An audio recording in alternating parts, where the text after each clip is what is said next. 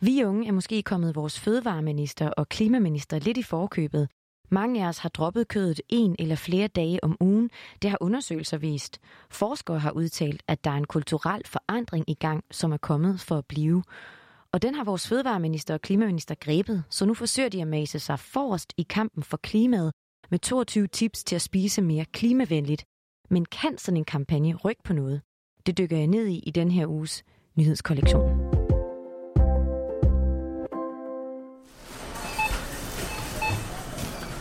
Vi er i et supermarked. De fleste af os vil gå direkte hen til de varer, vi er vant til at købe. Men tænker du over, om det du fylder i din kurv belaster klimaet?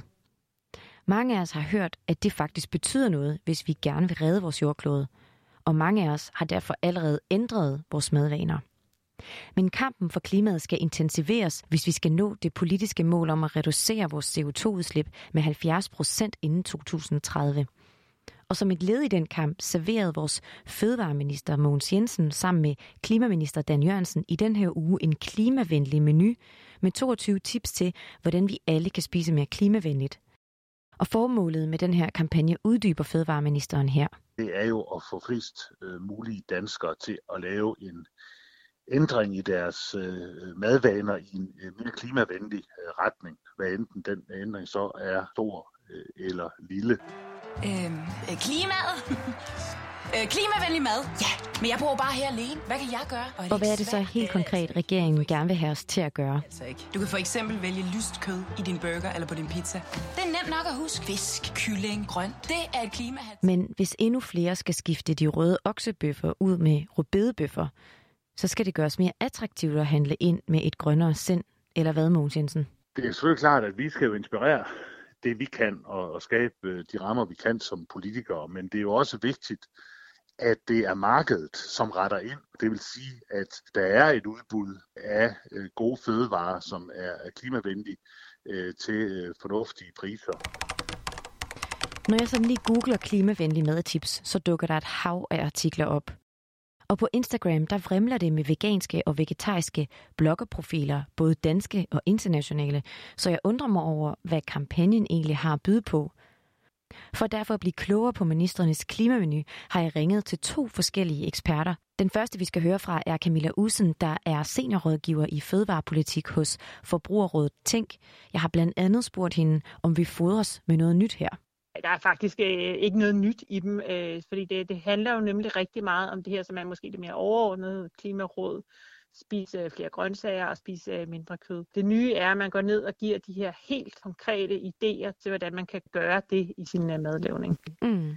Men nytter de her tips noget? Er de ambitiøse mm. nok?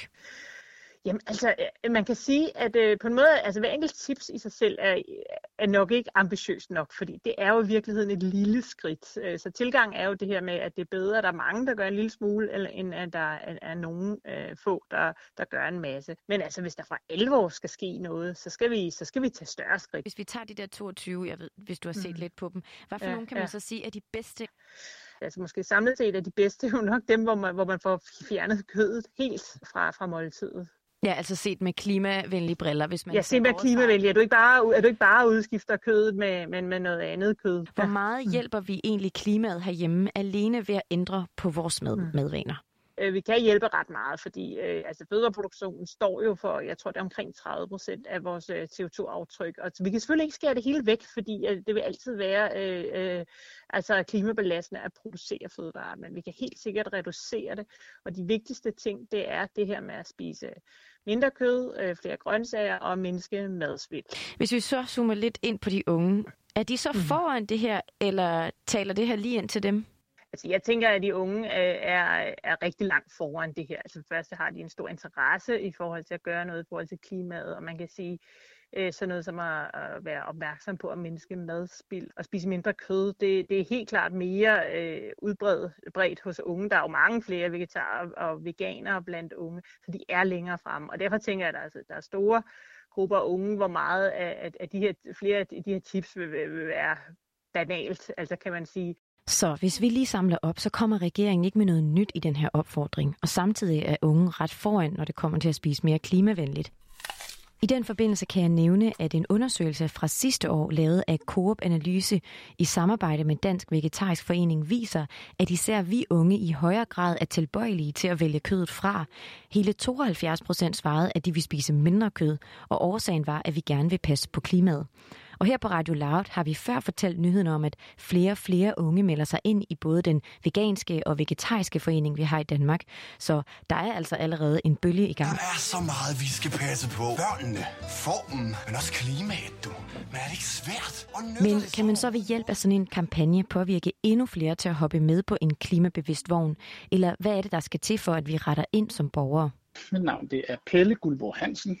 Jeg er adfærdsforsker på Roskilde Universitet.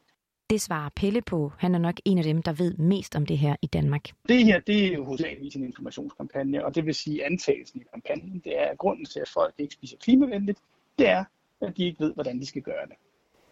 Og hvor effektiv er det så at bruge sådan en metode som, som, som den, der ligger frem her? Altså i lignende situationer, hvor man har øh, et problem, hvor folk egentlig godt ved, hvordan man skal gøre det, de bare ikke får det gjort. Der plejer det at være sådan, at hvis man giver dem en informationskampagne, så sker der ikke noget. Altså jeg vil forvente en øh, komplet nul-effekt af det her. Og selvfølgelig, at der er nogle politikere, der øh, kan stråle, og man kan pege på, at man har gjort noget. Og det er jo tit ved det, det, der sker ved ting, der burde virke i princippet, det er, at folk kan sige, jamen vi har jo givet jer informationerne, så hvis det ikke lykkes, så er det jo sådan set jer, der er problemet nu.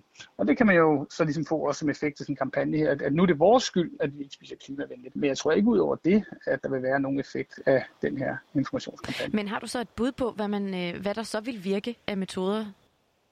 Ja, øh, vi har lavet mange eksperimenter på, hvordan man får folk til at spise mere klimavenligt var det sidste år, øh, der tog vi og lagde det plantebaserede fars ved siden af det hakkede oksekød, og så steg salget af plantebaseret fars med 48 procent.